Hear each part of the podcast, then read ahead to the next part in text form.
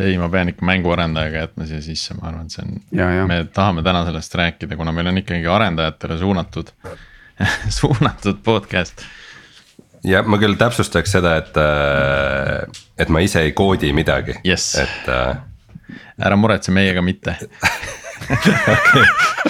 ma, ma nagu ettevalmistuse mõttes kuulasin paari viimast äh, saadet ja siis äh, masinõppe osa vist see natuke hirmutas ära, et et äh, siuksed küsimused tulevad, okei okay. mm. Mhm, jah, me vaatame, me testimegi su piirid ära, et kus, kus sa hätta jääd.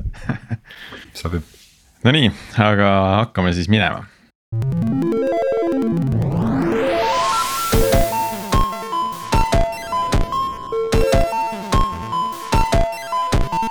Tere jälle Algorütmi kuulama, eetris on meie saja kolmekümne seitsmes episood, mina olen Priit Liivak Nortalist ja koos minuga täna salvestamas Tiit Paananen Veriffist. Tiit, kuidas sul off-site läks, kas said puhata ja mängida ka? paraku oli niimoodi sihuke offsite, mis oli nagu on-site, eks ju, et panime lihtsalt kontorisse ühe ruumi kinni ja, ja. aga ma nägin, et teie, teie marketing tiim käis küll majast väljas. ja ei, see on, see on, see on tavaline jah, et käiakse, aga, aga. Aga see oli, seekord oli selline rohkem töine üritus, nii et äh, sellepärast ei saanud ka osaleda siin. ma ei teagi, kas, kas kahju, kas tunda kahju või rõõmustada, et saite palju tööd teha, aga samas nagu. las ta, las ta siis jääb. polnud väga chill nii, aga tänane algoritm äh,. täna meil äh, Martinit ei ole, aga meil on hoopis äh, Rein ja Reinuga me räägime äh, natukene mängudest ja VR-ist äh,. Rein on nimelt Maru VR-i loom, loovjuht äh,, puhata ja mängida taskuhäälingu saatejuht ja, ja värskelt ka mänguarendaja äh,. nii et tere, Rein. tere alustame sellest klassikalisest enda tutvustusest, mida kuuldavasti me hiljuti Tiiduga õppisime, et ei tohi tegelikult podcast'is teha. aga, aga räägi ikkagi sellest, et, et millega sa tegeled, mida teeb üks loovjuht. ja, ja kuidas sa selle alani võib-olla jõudsid? no sellest võib rääkida väga pikalt ja huvitavalt minu taust võib-olla on see, et ma olen filmirežissöör või õigemini reklaamirežissöör tegelikult praktikas pigem. enne seda ma tegelesin bioloogilise psühholoogia uuringutega. ja siis selle kõige kõrvalt on mul olnud väga suur huvi mm, interaktiivse meelelahutusmeedia ehk siis mängude vastu. mis siis viis selleni, et ma hakkasin kunagi kirjutama mänguarvustusi sellisele ajakirjale nagu Digi, millest arenes välja podcast Puhata ja mängida. millega meil nüüd hiljuti täitus kümme aastat ja üle viiesaja osa, nii et teil on veel natuke maad minna. pisut, pisut äh,, me ei anna alla. jah, me oma teada me oleme kõige kauem nagu tegutsenud podcast, mis on nagu ainult podcast et, et kümme aastat iganädalast saadet teha, et, et noh, ilmselt meil on palju rääkida äh,. aga kuidagi läbi puhata ja mängida ma hakkasingi kokku puutuma virtuaalreaalsusega, millest ma nagu kuidagi alguses ei pidanud väga midagi. mõtlesin, et jälle mingisugune uus tehnoloogia gimmick ja siis ähm, kui ma seda esimest korda proovida sain, siis minu arvamus muutus täielikult ja, ja ma sain kohe nagu. minus kinnistus tugev veendumus, et tegu on millegiga, mis, mis tulevikus saab olema meie elu osa. ja kuidagi endalegi ootamatult ma hakkasin tegelema ka siis sisu loomisega virtuaalreaalsuse jaoks läbi igasuguste juhuslike workshop'ide või projektide, peamiselt alguses siis videosisu, ehk siis nagu kolmsada kuuskümmend kraadi videod, mida virtuaalreaalsuses saab igas suunas vaadata. ja endalegi märkamatult sellest kujunes välja minu, minu põhitegevusvaldkond, kus siis tegime elukaaslasega koos ettevõtte Maru VR Productions. mis siis viie aasta jooksul me oleme teinud üle kolmekümne viie virtuaalreaalsuse elamuse ja, ja ütleme siis ma tundsin, et minu, minu teadmised videoproduktsioonist ja sellise mm, grupi loomingulise töö juhtimise osas ja minu teadmised mängudes kuidagi virtuaalreaalsuses said väga hästi kokku. ja see, see ala nagu sobis, sobis mulle hästi. ja nüüd siis umbes aasta tagasi me ettevõttega pivot isime ähm, siis selliste nagu kliendiprojektide ja tellimusprojektide loomiselt. sellele, et me nüüd äh, loome oma mängu, me teeme sihukest Robinson Crusoe tüüpi ellujäämismängu nimega Bootstrap Island. minge kõik Steam'i ja wishlist'ige. jaa, see oleks väga teretulnud kuidas, kus täna nagu virtuaalreaalsus on, et ma mäletan juba, issand jumal, mitu aastat tagasi sai poistega käidud kuskil Mustamäel mingis keskuses pandi prillid pähe ja igal pool olid need mingid kaamerad või asjad, mingid andurid, eks ju. ja, ja sai seal, sai seal ringi lennatud, et, et aga ma kujutan ette, et tänaseks me oleme kuskil nagu järgmises kohas või mm,? see on nagu huvitav areng olnud, ütleme sellise viimase kuue aasta jooksul, kus, kus alguses oli tohutu haip ja hurraa. ja siis, kui, siis kui seadmed tulid päriselt müügile, siis, siis tuli välja, et see potentsiaalne kasutajaskond on ikkagi suhteliselt väike, sest et äh, peaseadmed olid kallid, nendega oli, nende ülesseadmine oli päris keeruline äh,. pidid omama ka väga vägevat mänguarvutit, et üldse midagi töötaks ähm, ja sisu oli vähe, nagu noh, üks asi on tehnoloogia, aga teine asi on see, et mis, mis, mis sa sellega üldse nagu peale hakkad.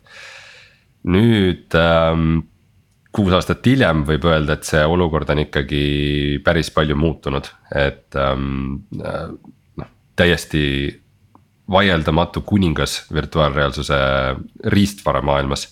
on selline peaseade nagu Oculus Quest kaks ehk siis uue nimega MetaQuest kaks, sest et äh, selle omanikfirma Facebook äh, rebrandis selle. mis on, mis on muidugi omaette huvitav teema, et kui Facebooki emaettevõte rebrändis ennast Metaks siis nad ütlesid, et kõik jääb samaks mm. -hmm. välja arvatud. Need alabrändid jäävad samad, välja arvatud Oculus, et see muutub ka Metaks. mis, mis, mis on päris huvitav ja ilmselt ka nagu näitab väga huvitavalt, kus nende prioriteedid on. aga see MetaQuest on selles mõttes täiesti hämmastav peaseade, et äh, äh, siis. ütleme, see USA hind on kolmsada või nelisada dollarit, mis on nagu päris odav ja siis ta on peamiselt nagu stand-alone peaseade, ehk siis sul ei ole vaja mingit vägevat nagu mänguarvutit või midagi sellist. Äh, ja samas sa saad seda ühendada ka arvutiga ja ilma igasuguste väliste kaamerate ja tracker itega seda kasutada väga kvaliteetse arvuti peaseadmena. Äh, et ähm, see, see nagu pakkumine kliendile on, on päris hea olnud, nad on tugevasti turundanud seda ja hiljuti oli just info, et äh, seda on hinnanguliselt müüdud viisteist miljonit ühikut, mis on rohkem kui Xbox'e näiteks eelmine aasta. aga see on nüüd selline nagu lõppkasutaja klient on ju, et, et noh, mina tean ka, et, et VR-is tehakse sageli just äh, mänge, sellist kogemusrännakuid. Äh, noh, kolmsada kuuskümmend videosisu, aga, aga mida, mida veel tehakse, et mil-, milliseid nagu selliseid äh, huvitavaid praktilisi lahendusi sa oled veel näinud, et. mida saab nagu noh, ma ei tea, ma kujutan ette, mingid lennusimulaatorid on nagu päris popp värk, aga samas lennusimulaatoreid tehakse selles kõik need lennukitootjad lasevad oma selle kabiini kokpi, uue kokpiti välja ja siis äh, piloodid käivad, sõidavad, istuvad seal sees, on ju ja see ei ole mitte odav lõbu, aga ma kujutan ette, kinnisvara vist on ka selline valdkond, kus nagu päris nagu reaalne äriline väärtus selle. ja ütleme selline noh, see ongi see, millega ma tegelikult viis aastat olen tegelenud enne kui me mänguarendajaks hakkasime, et kuidas me üritasime siis läbi virtuaalreaalsuse luua väärtust, äh, siis äh, ettevõtetele, et äh, kas siis äh, turundusmaterjale, mingisuguseid õppeelamusi, muuseumitele mingisuguseid elamusi, et selliseid asju luua ja neid. noh, on, on raske leida valdkonda, mis ei oleks kasutanud virtuaalreaalsust ähm, ja, ja isegi peab ütlema, et Eestis on ikkagi väga paljudes erinevates valdkondades äh, virtuaalreaalsust äh, rakendatud, et äh, jah, kinnisvaras siis äh, noh, kui, kui kinnisvaraarendajad äh, enamasti müüvad äh, õhku, siis on ju väga hea, kui inimesed saaksid korra panna prillid pähe ja. ja natukene nagu visualiseerida enda jaoks, et missugune see lõpptulemus välja näeb, kui nad oma elu kõige suurema finantstehingu teevad, et või siis on kasutatud ka teraapias, tööstuses. eelmine aasta näiteks ähm, me tegime päästeametile kolm äh, virtuaalreaalsuse rakendust äh, läbi, mille siis äh, noortele õpetatakse veeohutust. ja kuidas saada hakkama olukorras, kui näiteks kodus läheb pikemaks ajaks elekter ära, et. Et kuna sa virtuaalreaalsuses teed mingeid tegevusi päriselt läbi siis ähm, see, see, see mälestus või teadmine või oskus, mis sulle sellest jääb, on palju-palju võimsam kui näiteks mingi voldiku lugemisel või, või õppevideo vaatamisel. et te põhimõtteliselt tegite juba survival mängu lihtsalt. jah, see tundus jube hästi äh, kokku minevat sellega, mis me nagu mängule tegime, aga. kui ma päris aus olen, siis lõpuks sihukest nagu ühispunkti vist väga ei ole et see kuidagi tegema hakates tundus hästi, hästi loogiline asi, mida teha mm, -hmm. aga. pärast mõtlesin, mitte midagi ei ole ühist, kõik on teistsugune. mul on kohe kaks küsimust selle sisu, sisu osas, et äh, esimene on äh, natuke süütum küsimus, et. et kui mul on GoPro Max, eks ju, mis teeb kolmsada kuuskümmend kraadi videot, on ju. kas ma saan koduste vahenditega suht kergelt äh, selle asja nagu sinna Oculus äh, kahte ja, ja siis äh, seda videot vaatan täpselt sinna, kuhu, kuhu ma parajasti tahan ähm,. jah, on lühike vastus ähm,. Okay.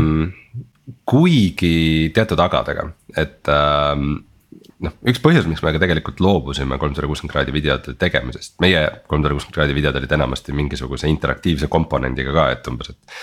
vaata siia, et äh, minna sinna kohta ja vaata siia, et minna sinna kohta ja nii edasi, aga äh. Lõppkokkuvõttes ikkagi avastasime, et äh, see ei ole see, mida nagu, mis inimestele virtuaalreaalsuses annab seda väga suurt emotsiooni.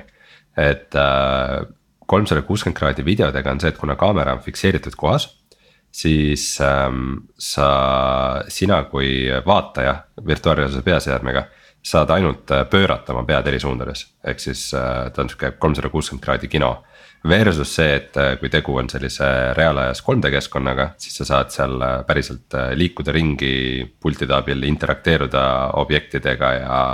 see, see elamus ja emotsioon ja nagu ka veenvus on palju-palju suurem miks mind just see huvitab, on see, et me kasutame seda kaamerat võistluspurjetamise stardis näiteks, et saab okay., näeme, et kes, kes kust tuleb, eks ju, kui kiiresti, kus me ise parajasti oleme ja ja see on tegelikult noh, sellel stardihetkel sul endal jääb seda tähelepanu muidugi on see piiratud hulk, sest sa pead nagu samal ajal paati juhtima ja nii edasi, on ju. aga hiljem videost vaadates oleks hea kohe vaadata, ahah sinna, ahah siin on selline olukord. Tiit, sul on seda liitreaalsust vaja siis, et siis sa näed nagu sealt yeah. VR-ist nagu enda pilti ka ja pluss sul on see väike HUD on, kus sa näed nagu mingit, ma ei tea, mis asja. Ja, ja mingi yeah., mingi map või asi, eks ju, aga mind, noh põhiküsimus muidugi virtuaalse reaalsusega Äh, mida keegi ei julge küsida, aga ma siis küsin ära, on see, et äh, palju siis täiskasvanute tööstuses ka siis kasutusel on? Äh, sa. ma arvan, see on väga sage küsimus Tiit. Sina ütlesid seda. seda küsitakse üsna tihti. Ma arvan, et see vastus selles mõttes üllatab paljusid, et, et see ei ole tegelikult minu teada nagu mingi väga oluline tööstus. et ähm, kuigi mingisugune virtuaalreaalsuse mm, täiskasvanutele mõeldud videode või, või mängude äh, turg on kusagil olemas, kusjuures mitteametlikult vist suhteliselt, sest et äh, peaseadmete need platvormid ise väga ei taha sellist sisu äh,. siis, siis ma ei ütleks, et see nüüd on mingisugune väga oluline osa sellest, mille pärast inimesed peaseadmeid ostavad, et ähm,. et, et, et minu teada selle selle osakaal ikkagi nagu virtuaalreaalsuse sisu osas on suhteliselt marginaalne, et nagu noh, noh. võib-olla oleks isegi kohane küsida, et nagu ma ei tea, et kas. kas, kas keegi ostab mingi monitori näiteks või telefoni sellepärast, et sellega vaadata täiskasvanute sisu, et noh, ilmselt ilmselt see on üks asi, mida tehakse aga, aga võib-olla see ikka nagu seda tehnoloogia ostuotsust niivõrd ei mõjuta.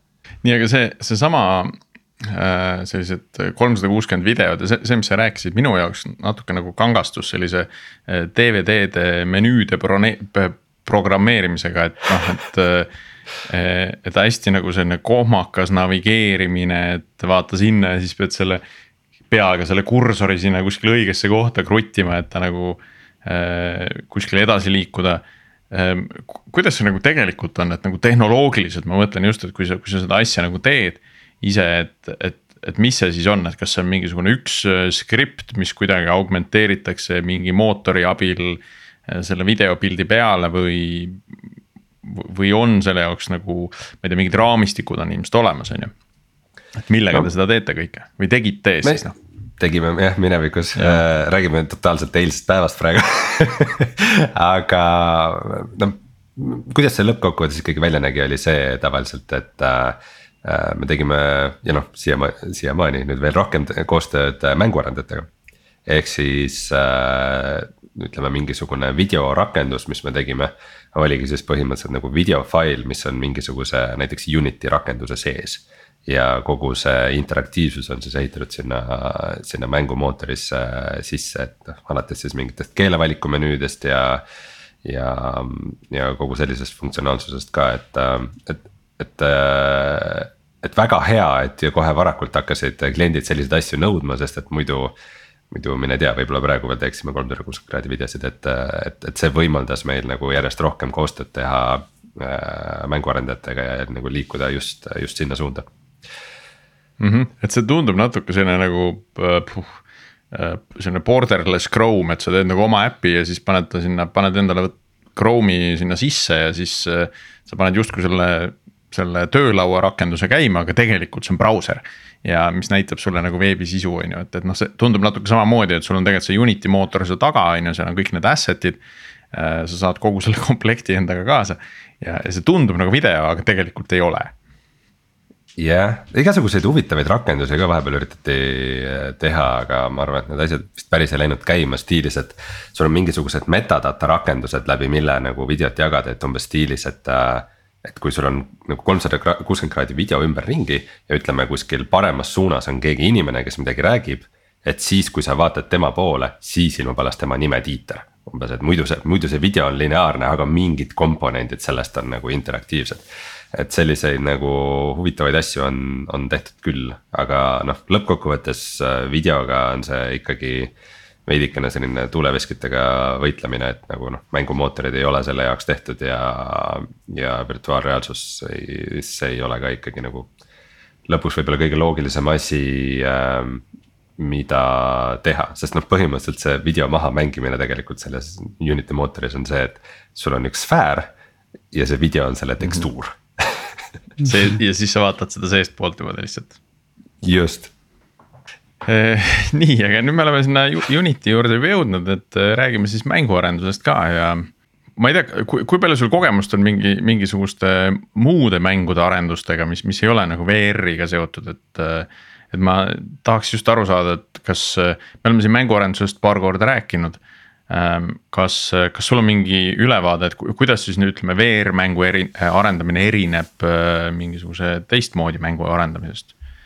mingisuguse FPS tüüpi mängu arendamisest näiteks? no natuke ikka, aga mm, no muidugi videodest äh, üle tulles äh, ma ütleks, et just sellise nagu first person shooter'i äh, loomine on nagu veidikene sarnasem. eriti kui rääkida just sellist nagu disaini poolt või nagu loo jutustamise poolt, et kui kolmsada kuuskümmend videodega nagu oli, et noh, mina, kes ma tulin nagu traditsioonilisest nelja, nelinurksest videost. see on see, et vaataja näeb ainult seda, mis sul on nagu ühe raami sees ja siis kolmsada kuuskümmend videos, et vau wow,, et järsku saab vaata igale poole vaadata, et kuidas sa räägid nagu lugu, et äh, kuidas, kuidas inimene sellele lihtsalt tähelepanu pöörab, siis noh. First person shooter'id on selle probleemiga tegelenud juba väga kaua aega ja selles juba päris, päris heaks saanud. aga äh, kui nagu alustada mingitest tehnilistest nüanssidest, siis äh, siis virtuaalreaalsusmängud on äh, nagu hästi nõudlikud. et ähm, miskipärast on niimoodi, et kui inimesed panevad virtuaalreaalsuse peaseadme pähe siis nad ootavad, et kõik näeb välja super realistlik. Äh, ja, ja nagu väga, väga veenev ja nagu veel palju detailsem kui nagu siis, kui sa mängid ekraani taga mm,. parem kui elu. just, äh, reaalsus on aga see, et äh, kuna virtuaalreaalsusmänge põhimõtteliselt renderdatakse kahele ekraanile. üks ühe silma jaoks ja teine teise silma jaoks ja nende siis värskendussagedus või kaadrisagedus peab olema väga-väga kõrge et see kõik mõjuks äh, väga nagu noh, liikuvalt ja sujuvalt. siis, äh, et nagu kui võtta üks mäng ja panna see virtuaalreaalsusesse, siis järsku äh, on nõudmised riistvarale kaheksa korda suuremad. Aga millisest kaadrisagedusest me siin räägime, et kas me räägime siin mingist, ma ei tea, sada kakskümmend FPS-i või kakssada nelikümmend või? ähm,? no standard on üheksakümmend ja, ja mm. noh, võib-olla Quest kahe puhul seitsekümmend kaks on ka sihuke nagu, aga noh, kui võrrelda okay. sellega, et. väga crazy ei tundugi, sest kui selle kahe nii-öelda tavalise ekraani peal oleks noh, kuuskümmend on okei okay,, et siis tundub nagu kõik sujuv ja hea Yeah, no konsoolide puhul veel, veel, veel veidi aega tagasi oli see, et ikkagi kolmkümmend oli tegelikult standard. nüüd ta on nüüd siin Playstation viie ja selle uue generatsiooniga on sinna, sinna nagu rohkem kuuekümne kanti liikunud, et noh, kolm, kolmkümmend kaadrit sekundis mänge on ka, aga nüüd juba väga vähe. et äh, aga noh, jah, üheksakümmend või seitsekümmend kaks on seal nagu pigem miinimum, aga, aga noh, pigem võiks olla rohkem. aga seal et, peab nagu äh, rohkemaga arvestama ka, et äh, et noh, kasutaja teeb mingi kiire pealiigutuse on ju, et sa pead nagu kogu selle ruumi nii-öelda kogu selle vaatevälja tegelikult äh, hoidma, hoidma valmis, et äh, kui see kasutaja sinna keerab, et tavalises FPS-is ma ei saa nagu liikuda punktist A punkti B nagu kiiremini, kui see. ma ise olen sinna sisse programmeerinud, et see tüüp joosta jõuab, on ju. Äh, jah, no jah, see, et sa saad nagu igas suunas vaadata, pluss nagu muuta oma pea nurka ja, ja praktika on näidanud, et mängijatel või siis kasutajatel tekib virtuaalreaalsuses nagu väga palju mingeid huvitavaid mõtteid, et äh, nad vaatavad kohtadesse, kuhu muidu ei vaadata, et kui. noh, tavalises mänguarenduses on see, et kui sul on kuskil toas kapp seina ääres, siis nagu mänguarendaja teab, et ah, ma saan nagu ressursse kokku hoida, et ma ei pea selle kapile tagakülge tegema ega põhja tegema virtuaalreaalsuses see ei ole ebatavaline, et keegi viskab kõhuli põrandale maha ja vaatab nagu, mis seal kapi all on või, mhm. või mis seal taga on või uurivad mingisuguseid huvitavaid kohti. Äh, pluss, äh, kui sa saad interakteeruda mingite asjadega, siis tundub loogiline, et sa saad interakteeruda kõigega. et kui, kui virtuaalreaalsuses sa ei saa midagi teha, siis see tundub nagu bugi. Et äh, kui, kui sul on käed, mänguarendajal on sul ainult käed ja sellega, sa sellega ei saa, ma ei tea silitada dinosaurust või, või visata kivi, äh, siis see tundub, et kuulge, see mäng on katki, et äh, kas mänguarendajad siis ei teadnud, et selliseid mm -hmm. asju tuleb teha või mis värk on? no vot, see oli, see oli teine asi, millest ma rääkida tahtsin, et eh, et, et kõik VR asjad, mis ma näinud olen, seal on kõik selline kuidagi kuidagi sihuke jõnksutab veidi ja asjad lähevad teineteisest läbi ja noh, ma tahan midagi võtta, siis, siis umbes võtan nagu niimoodi ja siis mul see mikker käes nagu samal ajal, kui see mul poolenisti käest läbi, et. millal see nagu ära lahendatakse, kuna see korda saab, kui, miks seda nii raske teha on no need on kõik asjad, mis, mis on tavaekraani mängudes samamoodi. aga, aga seal on juba lahendatud ei, sa lihtsalt ei pane seal tähele eriti kuna, eriti kuna, kuna virtuaalreaalsuses vaade on stereoskoopiline. ehk siis su mõlemad silmad näevad nagu veidi erineva nurga alt, siis virtuaalreaalsuses sinu nagu selline äh, ruumiline ja skaalataju on nagu eriti head et kui äh, muidu on palju siukseid väikseid trikke äh, mängudes, et näiteks, et äh, noh, ukse avad on sageli hästi kõrged nagu tavamängudes, et eriti kui sul on nihuke kolmanda isiku vaates asi, et siis. et kui, kui tegelane läheb uksest läbi, siis kaamera tema taga nagu hõljub õhus, et ta saaks sealt mm -hmm. nagu uksest ilusti läbi minna. siis äh, virtuaalreaalsuses sa lähed sisse ja vaatad, miks, miks see uks nii suur on. ja et see, see ei ole loogiline, et, et see tundlikkus on nagu väga-väga suur. ja see natukene ongi ka see kontseptsioon, mis meil oma mänguga on, et, et noh, need asjad, mida sa näed.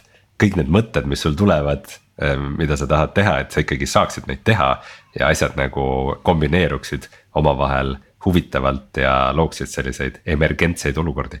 et te olete väga strateegiliselt enda mängu džunglisse paigutanud, kus ei ole ühtegi ust see on lihtsam teha no,. mine tea, äkki, äkki üks mängus on, aga noh, need, need need nagu seosed, mis inimestel tekivad või mõtted, mis neil tekivad äh, kohe on äh, noh, nii kummalised näiteks, et. et meil on nagu mängus on selline vanaaegne relv mm,. Räni, ränikivi lukuga siis, flintlock ja siis, kui keegi pillas selle liiva peale, siis ta küsis meie käest, kas nüüd see enam ei tööta, et kas nüüd läks liiv vahele noh, tavamängus sul elu sees ei tule siukseid mõtteid, aga, aga, aga seal järsku tuleb, siis mõtled, kas ma peaks mingi siukse süsteemi sisse panema. ei, ei pigem mitte, et, et, et, et jah, et inimeste nagu fantaasia selles mõttes läheb väga käima virtuaalreaalsuses väga huvitav, see teeb nagu arendaja töö ikka oluliselt keerulisemaks või, või kelle töö see keerulisemaks teeb? tegelikult, et kas see teeb nagu sellise loovjuhi töö keerulisemaks või arendaja töö keerulisemaks? tooteomaniku juhi töö teeb keerulisemaks. mõlema, et äh, noh, arendajad on need, kes peavad need asjad kõik sisse panema, aga, aga noh, mina kui loovjuht võib-olla pean mõnikord nagu mingeid piire tõmbama, et, et okei okay,, et kui, kui nagu mängija otsustab, et, et ta hoiab ühe käega mingit poolikut kookospähklit vee all ja teise käega tulistab seda, et noh, et kas me selle jaoks teeme nagu mingisuguse eraldi efekti või see on nagu natukene liiga haruldane olukord. siis tulevad kookospähklisse augud sisse või saab no, sõela endale et, äh, et, et, et mingid, mingites kohtades paraku tuleb, tuleb päriselu vastu ja tuleb mingisugused piirid tõmmata, et ähm,. aga samas ei taha jälle mitte kunagi äh, seda illusiooni ära rikkuda. aga selline väga süstemaatiline lähenemine on oluline. pean tunnistama, et olen natuke seal käru pealt maas, aga ma küsin siia vahele, et kas see, see peaseade kas täna on sellised ka, mis juba nagu nii-öelda noh, ütleme noh, Google Glassist me kuulsime juba mõnda aega tagasi, on ju, aga. aga mis nagu võimaldab seda nagu sellist äh, augmented reality't nagu, et vaatad läbi nii-öelda mingisuguse filtri, eks ju, maailma. no liitreaalsus, äh, liitreaalsusega on üldse huvitav olukord, et ähm, nagu tundub, et tehnoloogiasektoris on liitreaalsuse või siis AR-i, augmented reality äh,, selle kohta nagu isegi juba ka arusaam kinnistanud, et noh, et see on tulevik. et, et, äh, et nagu see, mis me praegu teeme, et kui me tahame midagi, midagi telefonist vaadata, et me siis võtame taskust telefoni, vaatame selle ekraani, paneme selle taskusse tagasi, et noh, varem või hiljem tuleb tehnoloogia, mis selle sammu nagu ära elimineerib ja see. sellel ma näen pea... hoopis rohkem nagu kasutuskohti. et ma tulen no, nagu see..., et lähen Tiiduga purjetama, Tiit tahab mulle õpetada. ütleb mulle mingisuguse selle purje termini, ma vaatan ringi, noh, mul nagu nii-öelda highlight itakse, tõstetakse on, esile otsad. Eh, kuskil ja. seal õiges kohas, et vot see on see asi, mis ta just ütles, on ju, väga kihvt oleks. no Mina see potentsiaal on lõputu, jah unistan sellisest, sellisest lahendusest, et, et ma saaksin nagu oma või ükskõik kus kohas reisides külastada seda sama kohta nagu näiteks minevikus või tulevikus, eks ju et Tiit no,, kui sa selle peaseadmega, peaseadmega käid ja reisid, see näeb ikka päris naljakas välja nagu. ei no see, ma ütlen siin. see on tuleviku turist on see, kellel kiivrid... on see peaseade on ees siis. jah, kiivrid jääb pähe ja, ja, ja, ja ühtlasi ka turvaline on ju, aga vaatad läbi, on ju. aga ma tahaks jah vaadata, et kuidas see koht on olnud näiteks, ma ei tea, kolmkümmend aastat tagasi, et noh, tegelikult. materjal kõik selle jaoks on olemas, eks ju, seda materjali me genereerime kogu aeg järjest juurde, eks ju see kokku liita ja seal teha mõned kavalad filtrid peale, mis nagu võtab arvesse selle hetke tehnoloogia võimalusi ja mingisugust arengut, staadiume, eks ju. ja sinna mõned puud juurde keevitada nagu, mis, mis tuleb ära fill ida tühjad kohad, on ju. et siis tegelikult sa saaksid nagu sisuliselt ajas rännata. see, sellega on kuidagi huvitavalt jah, et et nagu augmenteeritud reaalsuse potentsiaal on lõputu, aga see on üks siukseid väheseid, väheseid asju, millega nagu tehnoloogiasektoris võib öelda, et see ei ole veel valmis et kui, kui ma ei tea, et mõni telekatootja ütleb, et vot, et nüüd on vaja kaheksa K telekat omale 4K teleka asemel, et siis mõtled noh, et kas see nagu muudab minu jaoks midagi või, või on seda nagu vaja, siis nagu augmenteeritud reaalsuse ja virtuaalreaalsuse puhul on see vahva asi, et, et jaa on vaja, on, meil on vaja veel vägevamaid, veel väiksemaid kiipe, meil on vaja veel paremaid ekraane Äh, veel suurema pikslitihedusega, ähm, veel kergemaid, veel kaasaskantavamaid. et, äh, et, et, et see augmenteeritud reaalsust nagu sellises mõttes ikka veel ei ole, kuigi noh, mingid peaseadmed on välja tulnud. Google Glass oli üks eriti õnnetu elukas, see, see, see on nüüd muidugi päris vana, kas ta oli äkki kaks tuhat kaksteist ja kadus sama kiiresti, kui ta tuli Äh, või võib-olla isegi vanem jah, kusjuures eelmine aasta Meta isegi andis välja ühe, kas need vist Ray-Baniga koos mingisugused prillid. mis on justkui natukene prototüüp äh, augmenteeritud reaalsuse prillidele, aga nendega ei saa teha midagi muud kui filmida kõike, et nagu kogu nende funktsionaalsus on see. väike kaamera on küljes ja, ja see, ja see loomulikult juba tekitab jube palju mingisuguseid küsimusi, et kas sa. kas sa tohid avalikus vetsus käia nendega, et kas nad peaksid ise automaatselt välja lülitama, et kas sa tohid käia mänguväljakul sellega, filmida teist inimeselt äh, lapsi, et. Äh, ja need kõik küsimused tuleb veel lahendada, aga nagu, et nad nagu vaikselt hakkavadki nagu tilgutama, et, et selleks ajaks, kui see tehnoloogia on valmis siis, siis oleks ka nagu kõik muu selle ümber valmis, aga noh, see ei ole küsimus nagu ainult, ainult nagu, nagu ka riistvaras, et see on operatsioonisüsteemid nagu kuidas väga kergetesse prillidesse peita mingisugused wifi vastuvõtjad ja nii edasi. Mm.. no siin ei jää muud üle, kui ainult tekitada see olukord, et äh, veeta vähem aega virtuaalreaalsuses ja rohkem äh, reaalses reaalsuses ja te teha nii palju trenni, et jõuda ära oodata see hetk, kui kõik see gramm kohale jõuab. Jah, ja kõige suurem, kuigi noh, Meta on, investeerib meeletult sinna, arenduseelarve on äkki mingi viisteist miljardit aastas või midagi sihukest äh, AR-VR osas aga nagu suur must hobune, kellest mitte keegi ei tea, millal ja mida nad teevad. aga kindlasti midagi teevad, on Apple. et see, et Apple teeb oma VR, AR prille on äh, noh. see on, seda on teada olnud juba nagu üle viie aasta äh, see, millal nad lõpuks midagi välja lasevad, see on nagu pidevalt edasi lükanud, praegu tundub, et kaks tuhat kakskümmend kolm, aga noh, kui see juhtub, siis see maastik võib nagu totaalselt äh, muutuda üleöö millekski täielikult muuks asjaks. aga noh, Metal ka see aasta peaksid tulema välja. okei okay,, ma tulen korra tagasi selle Quest kahe juurde, sest et äh, kõige muu juures, mis, mis Quest kaks teeb, nad on nagu osutunud ka üllataval kombel päris huvitavateks nagu AR prillideks, sest äh, seal on küljes kaamerad läbi mille siis muidu mm, see peaseade nagu orienteerib siis äh, seda peaseadet ruumiliselt. aga äh, sa saad ka läbi nende kaamera va-, kaamerate vaadata ja siis kuvada omale kolmemõõtmelisi asju õhku. et sa võid näiteks selle ühendada oma laptop'iga, sa saad kõik oma Windowsi aknad panna nagu enda ümber õhku oma päris tuppa sa saad sellega ühendada oma päris klaviatuuri, et sa näed seda nii kolmemõõtmelisena. see on täpselt see, mida Meta promos ju või siis kui nad, nad selle metaversi reklaami tegid, et siis oli. et oled oma ruumis ja siis sul on need, need ekraanid on justkui õhus ja siis sa oled.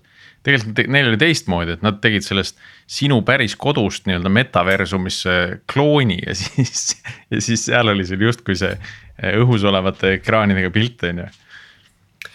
Jah, et see, see, et me saame seda juba teha, on, on päris äge, ta on noh, ta on veel kehvapoolne et äh, igapäevaselt oma tööks seda kindlasti veel ei kasutaks, aga aasta lõpus peaks Meta tulema välja ka oma sihukese rohkem. Business suunaga peaseadmega, mis on siis nii VR peaseade kui ka nagu just sihuke AR-i töö tegemise peaseade vähemalt teoreetiliselt näeme, näeme, kuidas, kuidas neil sellega läheb. Aga, aga see kindlasti tuleb. olevat veidi hämmingus, kas sa lähed kohe ma, nüüd seda Quest kahte ostma? praegu tõsiselt hämmingus jah sest ma mäletan, et noh, desktop'il on olnud neid erinevaid, ma ei tea, Linuxi all ma kunagi testisin, no mingi pöörlev desktop, et sa noh, saad keerutada seda seal ees ja nii edasi, aga. aga kui ma saan päriselt nagu unlimited screen space'i, no see on nagu pretty big. et iga seina peal on oma, oma nii-öelda desktop ja ka mitte meist väga kaugel soomlased teevad äh, sellist peaasjad nagu Varjo et ähm, mis on siis sihuke high-end mm, nihuke noh, kallimad ühikud on seal mingi kümme tuhat eurot ja, ja sellises hinnaklassis. mis äh,, mis ongi just sellise äri kasutamise jaoks, et äh, Volvo ja IKEA ja Boeing ja mingid sellised ettevõtted nagu päriselt kasutavad juba neid äh,, neid oma töös. Et äh, see on ikka hea. Nice. mitte, mitte lähedal, vaid see on juba olemas aga tuleme, tuleme nüüd Eestisse tagasi äh,. mujalt maailmast ja kallite peaseadmete juurest äh,. ja, ja tuleks sellesama mänguarenduse juurde tagasi, et kui raske on täna leida Eestist mängu loomiseks ühte arendajat? raske ähm, olles just see aasta tiimi suurendamisega jõuliselt tegelenud ähm,. Mm, mänguarendajaid on vähe ähm,, noh.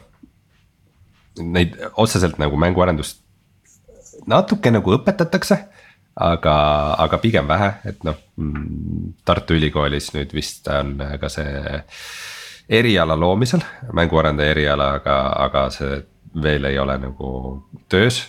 mingid noh, kursused ja moodulid ja selliseid asju on. aga mm, üldiselt võiks öelda, et, et see juurdekasv on ikkagi nagu piinlikult, piinlikult väike ja, ja, ja noh. kuigi Eestis ütleme viie aastaga on tegelikult tundmatuseni muutunud Eesti mängumaastik, ta on nagu väga palju edasi läinud, aga. kogu see kogukond aga... on ka hoopis elavamaks muutunud.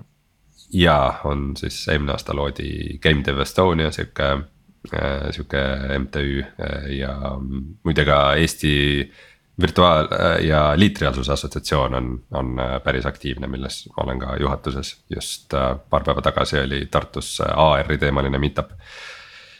Ja, ja ma ütlekski, et see nagu tööjõupuudus on võib-olla sihuke kõige, kõige suurem probleem, et muidu, muidu nagu ettevõtteid on. ettevõt-, on ettevõtteid, mis tahaks kasvada, aga ei ole kuskilt võtta inimesi aga mida see arendaja siis teadma peaks, et, et kas, kas on puudu sellest, sa, sa natuke nagu kirjeldad seda, et puudu on neid inimesi, kellel oleks teatavad äh, oskused olemas. jah, et ähm, noh, meie nüüd oma mänguga kasutame äh, sellist mängumootorit nagu Unreal Engine. et noh, Unity ja Unreal on siis nagu kõige levinumad ja kui Unity rohkem soosib sihukest äh, üksikut indie arendajat, kes võib teha ka nihukest mingit külgvaates 2D mängu ja midagi nagu lihtsamat.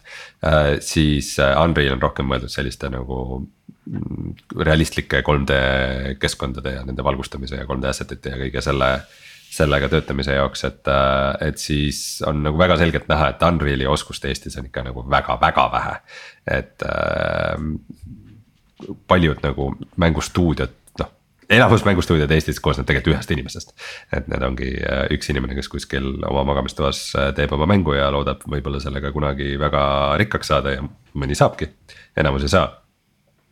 Aga, aga meie näiteks ettevõtte lähenemine ongi muutunud nagu selleks, et me põhimõtteliselt äh, palkame inimesi, kes on tugeva programmeerimistaustaga ja siis õpetame neile Unreal'i, et äh, sest et meie eeldus on, et, et neil läheb see lihtsamini kui.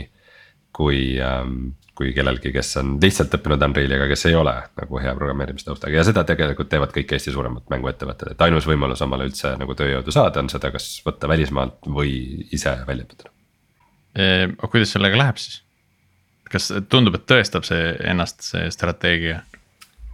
Äh, me just hiljuti oleme paar, paar arendajat onboard inud ja praegu, praegu tundub, et hästi, meil praegu töötab mängu kallal umbes kaheksa inimest, neist neli on arendajad, noh arvame, et nagu kolmteist on sihuke hea maagiline piir, et siis ei tule see nagu. Management layer ei lähe veel liiga nagu omamatuks, et, et, et sellise väikse grupiga töötamiseks ma arvan, et praegu läheb hästi, aga nagu kui pikas perspektiivis, kui läheb hästi ja tahaks nagu laieneda ja areneda, siis, äh, siis mingi hetk tekib ilmselt sein ette, kus peab mingisuguseid valikuid tegema. äh, räägime korra sellest palganumbrist ka, mis, milline on, ütleme, kas mängutööstuse arendaja palk erineb täna äh, nii-öelda. ma ei tea, startup'i arendaja palgast või, või projektipõhise arenduse arendaja palgast? Uh, ma ei tea, mis on startup'i arendaja palk, aga. Tiit teab no, keskmist. noh, see, see on jah, selline selline dangerous path, eks ju. minna, aga, aga nii palju, kui nagu näiteks ma ei tea, Fontes või, või välismaised agentuurid ka, ka siin kaardistavad seda, siis. siis äh, ma ei tea, noh, senior, senior taseme, mid senior taseme inimesed, eks ju mingi neli, neli kuni kuus tuhat bruto, eks ju, ja, ja siis on mõned superstaarid, kes on tõenäoliselt üle selle, eks ju vähem mm. -hmm. vot seda ma tahtsingi teada, et mul on, mul on tunne, et, et ka see, ka see probleem on seal täna nagu õhus, et. et see palgatase ei ole sama, samaväärne täna. Äh, no ja ma arvan, et see on igal pool maailmas nii, et üldiselt um, isegi võib öelda, et, et, et, et, et paljudes ka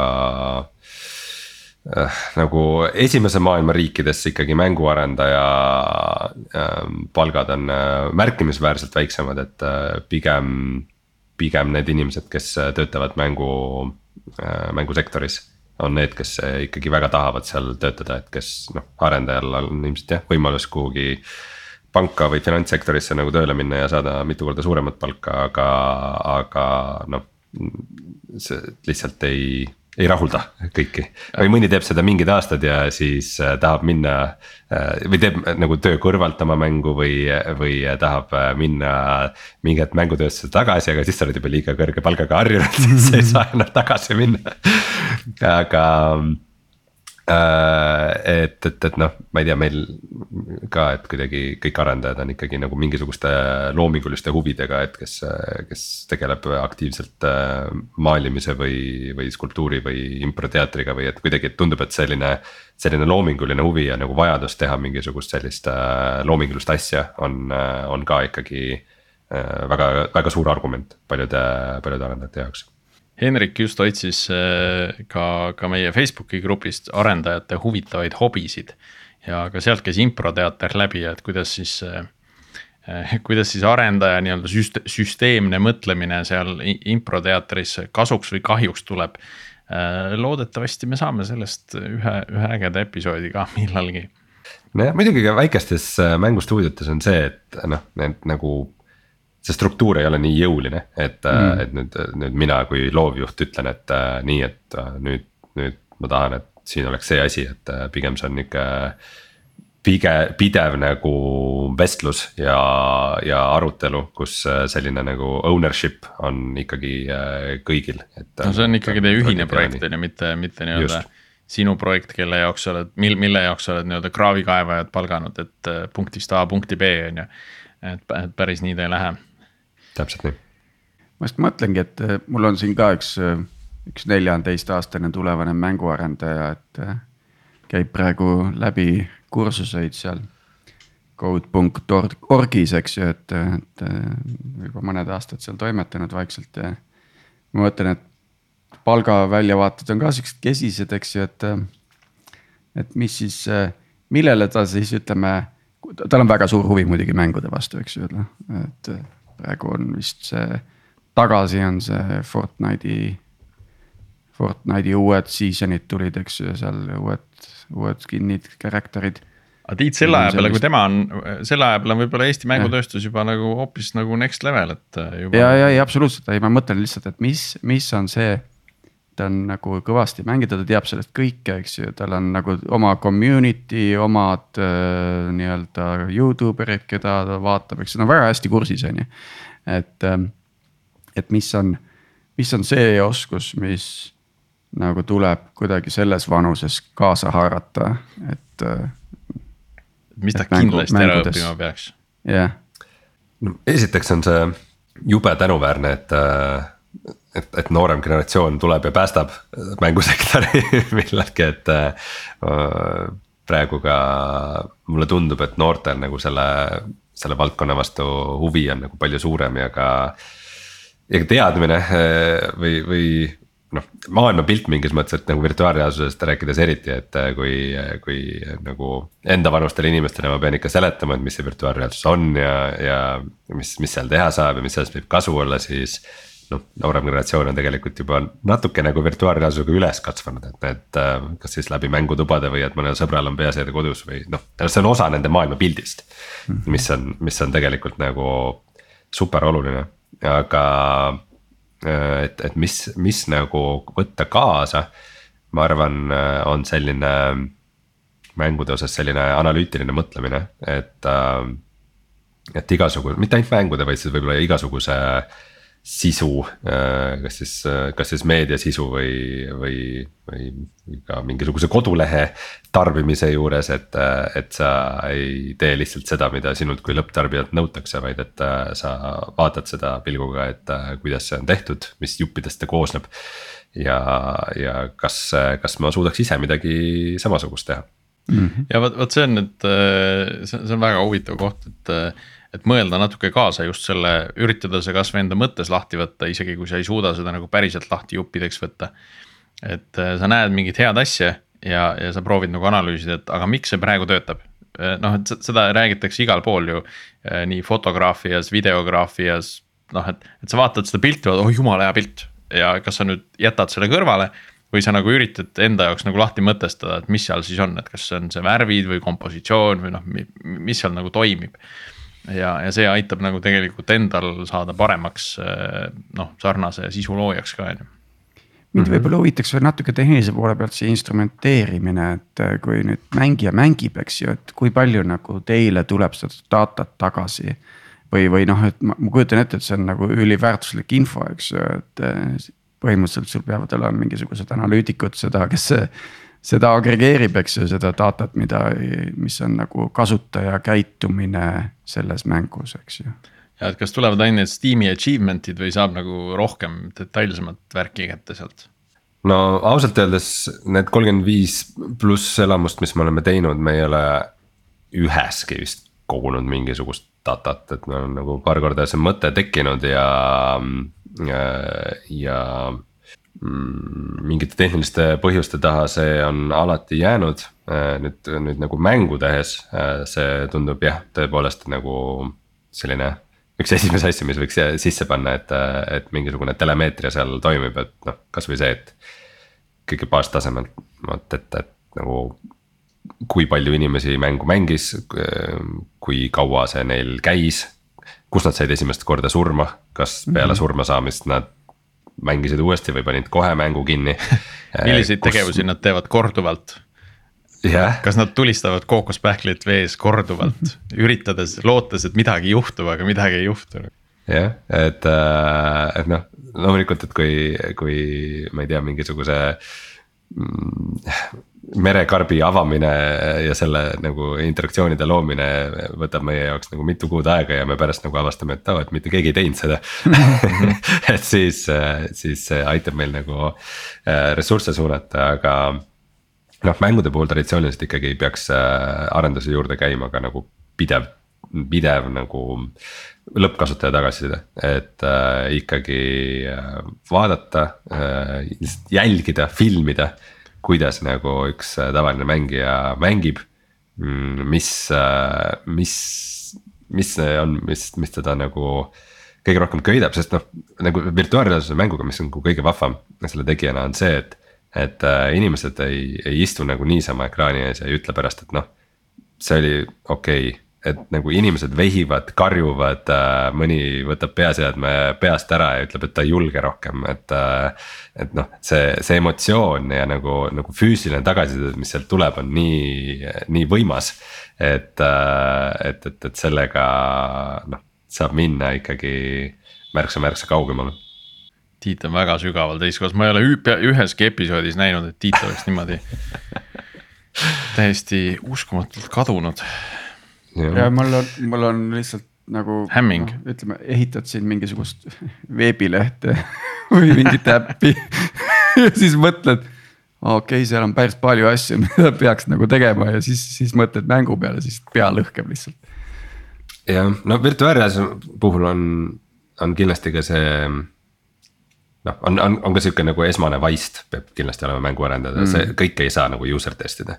Et, äh, et mingisugused äh, valikud peab kohe alguses ära tegema, mis, mis, mis on need asjad, mida, mida saab teha ja mida ei saa teha.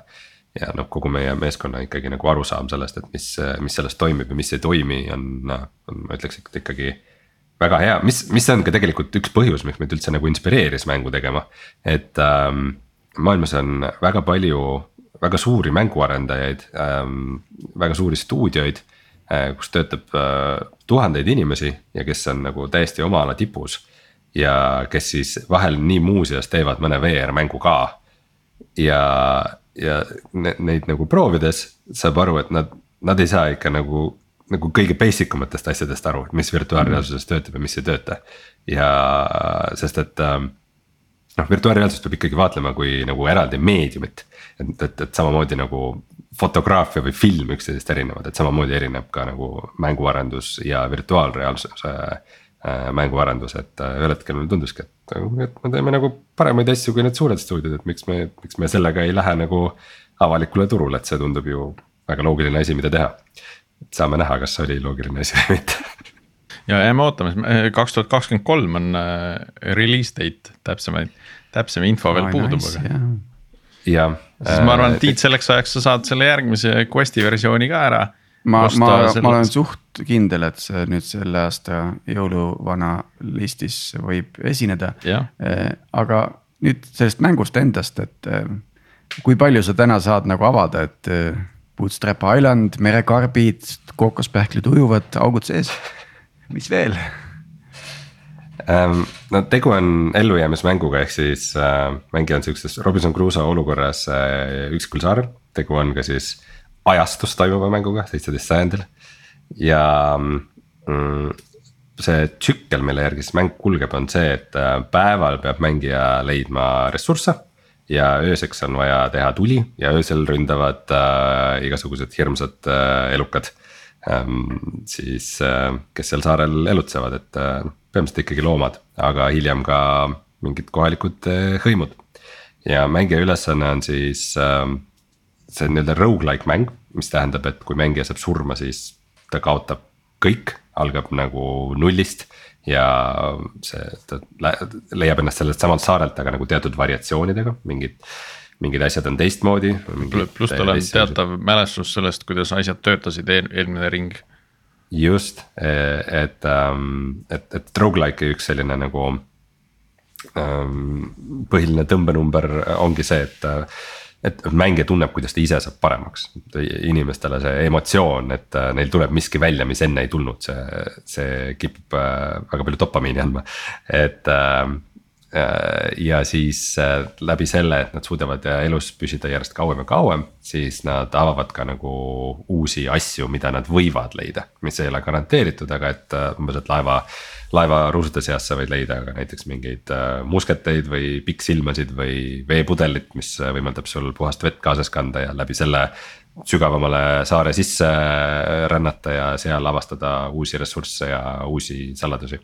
ja üks hetk siis mängija kohtub ka kohalike hõimudega ja siis nende, see läbisaamine nende hõimudega sõltub väga palju tema kehakeelest või, või mis valikust, et nagu VR-is saab seda, saad seda teha, et umbes, et näiteks, et mm et kui hõimul on mingi tervitusrituaal. käed niimoodi või niimoodi. just, et siis, et kuidas nad kätega vehivad, et siis äh, kas sa suudad selle järgi teha või mitte, et nad, kas nad nagu. aktsepteerivad sind või mitte või mis tüüpi kingitusi sa annad neile, et äh, äkki kingid surnud sisaliku ja tuleb välja, et see oli püha sisalik nende jaoks äh, ja nad saavad väga-väga vihaseks su peale, et ähm, see, see, see pingeolukordi ja nihukeseid huvitavaid situatsioone võib tekkida väga palju aga sa ütlesid, et see on äh, noh, natuke muutuv, on ju, et iga kord, kui sa uuesti alustad, see, see maailm pisut muutub. Äh, kuidas, kuidas see tavaliselt lahendatakse, et kas seal on lihtsalt mingisugused äh, nii-öelda juhuse protsendid, on ju, et kas, kas see, kas see musket on seal kivi all või ei ole, on ju. või ta on hoopis mingi teise kivi all, et või, või on seal taga midagi muud, mingisugune protseduuriline genereerimine mingitele aladele või kogu maailmale äkki lausa? jah, mingisugune protseduuriline sihuke randomise imine, noh mängudes kipub olema see, et alguses äh, on kõik random ja siis, kui sa mängu testid, sa saad aru, et noh, tegelikult ikka nii random ei peaks olema, et ikka väga palju peab tegelikult seal väikseid mingeid nõkse ja struktureerimisi tegema, et see äh, elamus ikkagi hea oleks. Äh, aga näiteks see saare geomeetria äh, või geograafia, siis see ei ole genereeritud, et niukse orgaanilise loodusliku saare iga kord uuesti loomine on esimese mängu kohta meil ikkagi natukene liiga suur, liiga suur ülesanne, et seda me päris ei tee. Äh, küll aga siis see, et äh, mida sa leiad, et äh, umbes, et noh, kõige väärtuslikumad asjad on laevalt rannale uhutud kirstud, et neid on umbes, et näiteks, et ühe mingi piirkonna kohta on null kuni kaks. Aga iga kord nad on eri kohas, et on, neil on mingid etteantud kohad, kuhu nad võivad spoonida. Ja, ja siis noh, just, et mängija nagu, kes teeb nagu justkui sama asja uuesti, aga ta ei saa lihtsalt asju pähe õppida, et ta, et ta peab nagu, et see avastamine oleks ka nagu osa sellest mängust. ja, ja samuti näiteks äh, kuigi see saare geograafia on nagu sama siis mingisugused aspektid, et umbes, et äh, mingis kohas võib olla koobas, kus saab äh, vihmavarju minna. aga mõnikord see koobas on sisse langenud, varisenud ja teinekord äh, ei ole või et kuskilt kitsast käigust mõnikord saab läbi, aga järgmine kord see on võib-olla võssa kasvanud, et. aga, aga see tuleb ikkagi kuskilt mingi juhuarvu generaatoriga nagu arvutatakse, et kui on suurem kui null koma viis, et siis on kinni varisenud koobas ja kui on väiksem, siis on lahti jah, no see ongi nüüd huvitav protsess, et kus, kus mina kui loovjuht ei saa nüüd päriselt öelda, et äh, mis Kuidas matemaatika seal äh, taga, taga peaks olema, mul on mingid printsiibid. et äh, noh, näiteks, näiteks see, et jube igav on, kui see randomiseerimine on sihuke nagu jube ühtlane. et mm, -hmm. et ütleme, et sul rannast võid leida mingi krabi, kala, kookospähkli ja, ja merekarbi ja iga kord sa leiad kuskilt ühe et see, see tundub nagu noh, mitte väga exciting, et just see, et nagu, et äh, ühes run'is sa võid äh, leida kolm kookospähkli ja ühe krabi. järgmine kord kaks merekarpi ja ei midagi muud, et, et nagu, noh, ellujäämismängus see, et sul on alati nagu mingeid ressursse puudu. ja alati sa mõtled selle ümber ja see nagu motiveerib sind, et okei okay,, et mul on nagu ööseks vaja tuli teha. mul on väga palju lõkkepuid, aga ma pole midagi leidnud, millega seda sädet teha, millega seda tuld põlema saada, et, et, et, et, et see noh see, see on väga ökonoomne, sest see annab väga palju äh, variatsiooni ja mänguaega mängijale nagu samade elementidega äh, rekonstrueerides mängu äh,. aga samas ka nagu idee on luua seda põnevust ja ettearvamatust ja oskust läbi saada vähesega see on täiesti, täiesti teistmoodi selline kasutaja mugavuse disain nagu mingi, mingis mõttes ka, et et, et see, et see on nagu kasutaja ebamugavuse disain. et, et sa pead selle tegema nagu sinna piiri peale, et, et see oleks nagu natukene ebamugav, et see challenge nagu püsiks, on ju. aga, aga samas mitte liiga ebamugav, sest nagu muidu, muidu see ei ole nagu julgustav, muidu sa kohe paned selle asja kinni ja ütled, et täiega jama mäng, on ju. et yeah. kasutaja ebamugavuse disain ja viimane mängukogemus äh, oli see No Man's Sky'ga, mis tuli ilge aplaavaga välja, et nüüd oh nüüd randomly generated worlds ja, ja kõikide mängijate jaoks on kogu kõik mängud erinevad, eks ju. siis tuli välja, et see oli bluff ja just kusjuures äh, see nädal oli see äh, Bethesda, üks äh, suuremaid mänguarendajaid, kelle Microsoft ära ostis, et nemad siis lõpuks näitasid oma järgmist tohutut rollimängu, mille nimi on siis. Starfield. Starfield jah, ma peaaegu oleksin mõne teise Star asja öelnud millel pidi ka olema, et on, on tuhat planeeti, kuhu sa saad rännata ja igale poole maanduda ja kõike teha ja noh, see jah. ma ei kujuta ette ennast nagu arendaja rollis, kus sul on nagu tuhat planeeti, millel on äh, no võiks ju olla vähemalt mingi sadakond erinevat bioomi seal siis et, et noh, kui neid on ka neli, et siis ei ole nagu huvitav see tuhat planeeti on ju. Äh, et ko, kuidas kogu selle variatsiooniga toime tulla. Äh, noh, mäng ei ole muidugi väljas, keegi ei tea, kas seal päriselt on tuhat planeeti või kui, kui Äh, kui põnevad need tuhat planeeti on, on ju. jah, noh muidugi nende kaitseks tasub öelda seda, et, äh, et tegelikult see kipub olema päris erinev mida mängija arvab, et ta mängus teeb enne, kui ta ostab mängu ja mida ta päriselt teeb siis, kui ta seda mängib. et äh, mingid äh, noh, sellise marketing materjali idee ongi nagu panna mängija fantaasia tööle, et mis kõik võimalik on. ja mida sa kõik saad seal teha ja siis tegelikkus on see, et sa teed sedasama asja uuesti ja uuesti ja uuesti ja loodad mingit ressurssi koguda ja. üks, üks ilus, üks ilus väljend on selle äh, mängu disaini kohta, et, et kui anda võimalus. siis mängijad optimiseerivad kõik lõbu mängust välja kohe esimesel võimalusel et täpselt nii see ongi mm. -hmm, ja, et alati on need mängijad, kes võtavad Exceli kõrvale ja hakkavad äh, kõiki neid suhtarve välja, välja arvutama ja optimaalseid äh, valikuid leidma jah, ja siis äh, Youtube erid äh, selle järgi teevad oma videosid äh, ja kõik vaatavad neid ja, ja otsustavad, et mängus võib olla tuhat relva, aga me kasutame kõik seda ühte sest see on kõige parem. just nii, aga meie tänane episoodi aeg hakkab jõudma ka ühele poole.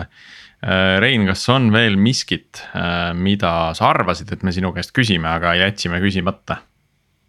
mis saab edasi mis saab edasi? See on väga VR, hea küsimus. VR, AR maailmas, et ähm, mis teie arvate? minu, ma küsiks siis nii-öelda retooriliselt vastu. et äh, kas praegu on hea koht sinna sisse minna nagu founder'ina nii-öelda mingi. ühesõnaga, kas. sa pead kas, nagu erinevatest nagu... aspektidest vaatama, Tiit, et äh, ma mõtle siis äh, niipidi, Rein, et, et kas, kas on hea aeg sisse minna founder'ina äh,, arendajana mis rollid seal veel võib olla kasutajana? ma, ma arvan, et on um,, no põhjus, miks, noh ma täna juba vist viis põhjust öelnud, miks me mänguarendusse läksime, aga üks põhjus on ka see, et me näeme, et nagu turg hakkab valmis saama. et üks asi on selle meta edu, kuigi jah, me tegelikult meta sellele stand-alone platvormile oma mängu ei tee, see on äh, siiski liiga nõrk selle jaoks. aga näiteks äh, järgmisel aastal tuleb äh, välja Sony Playstation VR kaks Playstation viiele. millele me ennustame väga-väga suurt edu, et järjest rohkem saab virtuaalreaalsus nagu reaalsuseks. AR-iga võib-olla on veel natukene vara, aga tasuks nagu silma peal hoida, et äh, see võib kõik üleöö väga palju muutuda, et praegu põhiline AR-i rakendus on ikkagi. naljakad koerafiltrid siis äh, selfie kaameras ja videokõnedes äh,. Aga äh, Covid kindlasti kiirendas kogu seda protsessi, et äh, kui mitte rääkida ainult nagu virtuaalreaalsusest, vaid ka üldisest sihukesest nagu digitaliseerimisest või virtualiseerimisest. siis äh,, siis äh, minul hiljuti jäi ikka nagu suu täiesti ammuli, kui ma trennis äh, telekast oli eurosport. ja mina ei teadnud, et see on thing, et, äh, et kuidas äh, triatloni siis osalejad, et kõigepealt hüppasid vette, tegid oma ujumise ära. Siis hüppasid jooksulindile. passus hüppasid vette on ju? ei, see oli ikkagi päris, päris meri okay. ja, ja siis mere, põhimõtteliselt sadamas merekaldal läksid kõik jooksulintidele ja jooksid äh, lindi peal ja ekraanilt oli suurelt siis nende 3D avatarid, kes jooksid päris, äh, päris linnades. ja siis äh, nad hüppasid kõik statsionaarsetele trenniratastele. Ja siis ekraanilt oli kõikide 3D avatarid, kes siis sõitsid päris linnades nendest 3D keskkondades, et nagu nagu võistlussport oli küll nagu viimane asi, mis ma arvasin mm., et, et äh, nagu virtuaalsus või selline 3D, 3D digitaliseerimine selle üle võtab, et, et juba see on nagu asi. Mida inimesed kodus teevad ja mida nagu võistlustel tehakse, see nagu lõi mind puhviks, et äh, väga palju, väga vähesed inimesed teavad seda, kellega ma räägin sellest, et äh,. Zodiac vist aga... on rakendanud seda mingi primitiivseid nagu mingit äh, noh mm -hmm. progressimeetreid, eks ju, et kas sõuad seal ühe ja. koha peal, et siis kaugele oled jõudnud, on ju aga noh, mõtle, mõtle kui äge isegi nagu Eesti kontekstis ja. eriti, et sul on nagu mingi kaheksa kuud sihukest lögast talve ja sa kuskil keldris äh, sõidad ratast või või jooksed lindil või, või sõudad ergomeetri peal ja sa samal ajal teiste inimestega koos osaled justkui nagu mingil füüsilisel võistlusel. sa võid, sa võid anda siin alati nagu võimaluse ju siis entusiastidele osaleda koos profidega ja nad ei, nad ei jää neile jalgu, ei koperda otsa. sa teed, sa teed nii-öelda, et profid jooksevad omaette, nemad ei näe neid teisi osalejaid. Siis äh, teiste jaoks on see justkui nagu mingis mõttes nagu liitreaalsus, et sa jooksed nagu oma lindi peal, näed seda enda pilti ja sa näed neid prof'e ka kõrval jooksmas või ees jooksmas mhm. sõltuvalt, kui hästi oled, on ju äh, aga, aga nagu sihuke lisa, lisavõimalus, et muidu sa ei saa kunagi anda sellist võimalust, et kuulge, kes tahab, minge ka nüüd jooksma nendega, noh et, et siin see võimalus on olemas. jah, et äh, ma ütleks, et jah, see, see valdkond ja nagu just sihukeste mängumootorite ja, ja 3D keskkondade ja, ja nagu multiplayer kogemuste nagu valdkond, eriti kui kõik töötavad nagu kodus äh, ka peale epideemiat. ja tahavad kodus teha ka keerulisemaid asju kui lihtsalt, äh, lihtsalt videokõnesid. mingeid ruumilisi, tehnilisi ülesandeid täita, siis arvan, et siin siin see potentsiaal ja muudatus, mis me nagu mõne aastaga hakkame nägema, saab olla ikka, saab olema ikka päris tohutu. Ja siis, kui AR tuleb, äh, siis meil pole enam kellelgi vaja ei telekaid ega mobiiltelefone, sest et meil on ainult äh, prillid peas või läätsed silmas. ja siis ähm, me võime oma seinale projitseerida nii suure teleka, kui me tahame. Äh, ma alles üks päev otsisin, et juba, juba selline lääts on olemas ja aga no ütleme, see on nüüd, see on nüüd kahjuks või õnneks tehnoloogia, mille jaoks veel on nõks vara, aga nagu tulemata. Äh, jääme siis ootama, ootame, ootame tõesti huviga, väga huviga ootame. Ähm. nautige veel päris maailma nii palju, kui saate varsti saab otsa. aga aitäh, Rein tulemast, sinuga oli väga põnev vestelda ja, ja aitäh meie kuulajatele. endiselt ootame huvitavaid soovitusi teemade jaoks võib-olla siin selline pehme hoiatus ka ette, et me siin suvel proovime teha mõned sellised natukene kergemad episoodid, et äh, võib-olla nagu masinõppest nii detailideni ei räägi. ja, ja räägime just äh, rohkem sellistel teemadel nagu täna. Äh, võib-olla mõned persoonilood juurde, nagu meil ka hiljuti äh, teise Priiduga oli, The Priiduga nagu, nagu seda teatud ringkondades kirjeldati. ja, ja proovime natuke sellist nagu kergemat kuulamist luua mida siis oleks ka mõnus äh, rannas vedeledes näiteks äh, kõrva pista ja, ja siis äh, nautida. aga jääme siis kuulmiseni järgmisel nädalal. aitäh kutsumast. aitäh.